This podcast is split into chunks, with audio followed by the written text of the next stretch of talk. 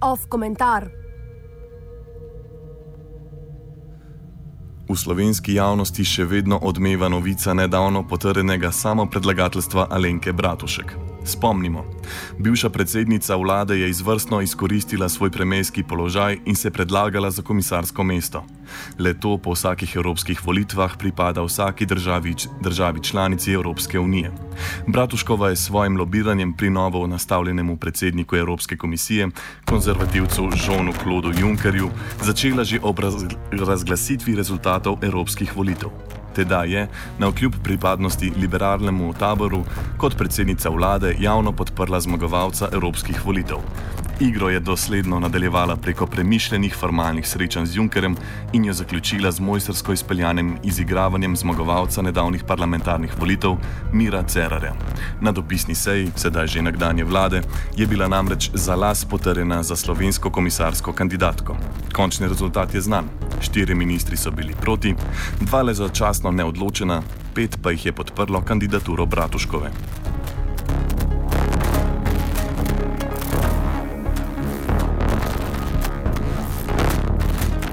Proces izbire kandidatov za evropske komisarje že dolga leta slovi kot najslabša možna politična kuhinja.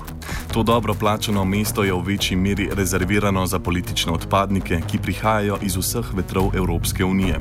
Komisarska mesta so namreč za voljo radodarnih plač, številnih službenih bonitet in prave politične nirvane nad vse mamljiva za odslužen notranje politični kader.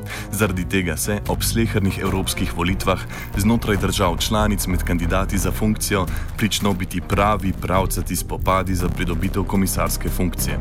Proces izbire komisarjev poteka v duhu političnih kalkulacij in medstrankarskih kupčkanj. Prav zato so opozorila o netransparentnosti in nedemokratičnosti procesa izbire komisarjev največkrat zelo na mestu.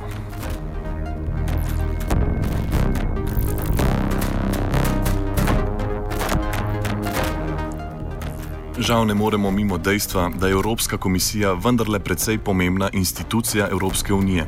Znotraj slednje komisija igra vlogo pri kreiranju, implementaciji in nadzoru nadnacionalne evropske zakonodaje njenih 28 komisarjev s svojimi direktivami, zavezami, opozorili ter pohvalami držav članic skrbi za nemoteno delovanje Evropske unije in dosledno izvajanje njene agende. Svojo strokovnostjo in neutralnostjo naj bi komisija služila kot nekakšna protivtež Evropskemu svetu, ki ga sestavljajo voditelji držav članic. Medar med leporečno teorijo ter britko resničnostjo zeva gromozanski prepad.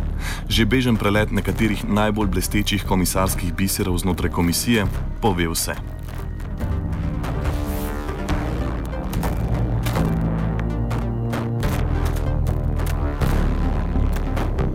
Tako je ekonomski komisar Oli Ren s svojimi komisarskimi predlogi močno pripomogel k poglabljanju že tako strahotne recesije v Grčiji.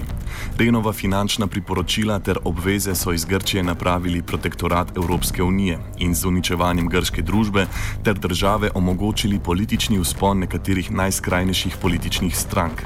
Še vedno odmeva tudi primer Johna Dalija, nekdanjega komisarja za zdravje in potrošništvo, ki je bil za voljo nepravilnosti primoran odstopiti pred dvema letoma.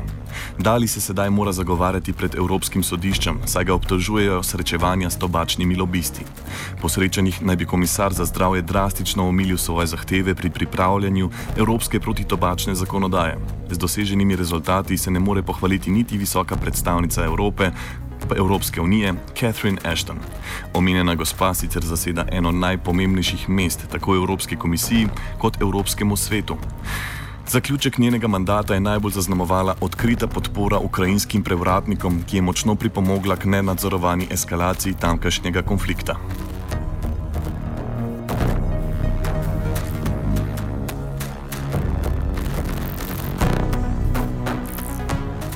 Nekaj grenkega cinizma lahko ugotovimo, da bodoča slovenska komisarka nikakor ni podpovprečna izbira žona Kloda Junkerja.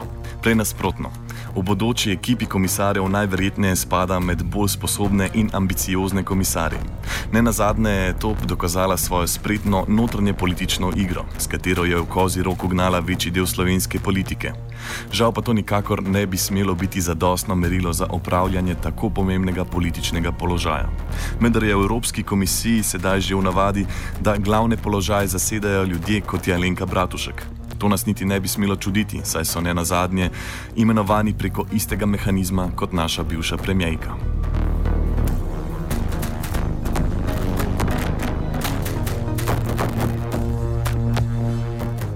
Evropsko komisijo pestijo številna protislovja, nedorečenosti ter zlorabe.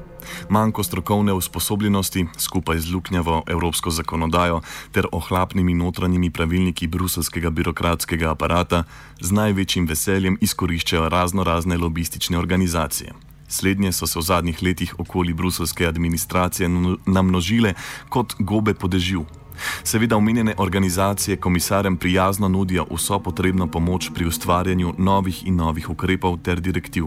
Ob upoštevanju dejstva, da je večina evropskih komisarjev vsaj toliko naivna, kot je bila tekom svojega kratkega premijskega mandata naša Alenka Bratušek, nas to vrsten potek dogodkov znotraj Evropske komisije resnično ne bi smel presenetiti.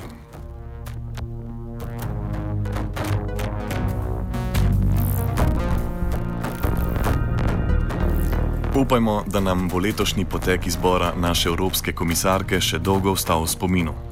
Bodoče delovanje Evropske komisije bo namreč na naša življenja imelo verjetno samo še večji vpliv. Politično kupčkanje pri izboru komisarja ter odločanje po pravilu najmanj škodljive možne izbire nikakor ne vlivata pretiranega optimizma za prihodnost Evropske unije. Bojda najtrdnejši imperiji, cesarstva in države stojijo na najšipkejših vlaknih možganskih celic. V primeru Evropske komisije opažamo, da za voljo pomankanja to vrstnih celic prihaja do njihovega outsourcinga in nič ne kaže, da se bo kaj bistveno spremenilo z novo ekipo komisarjev.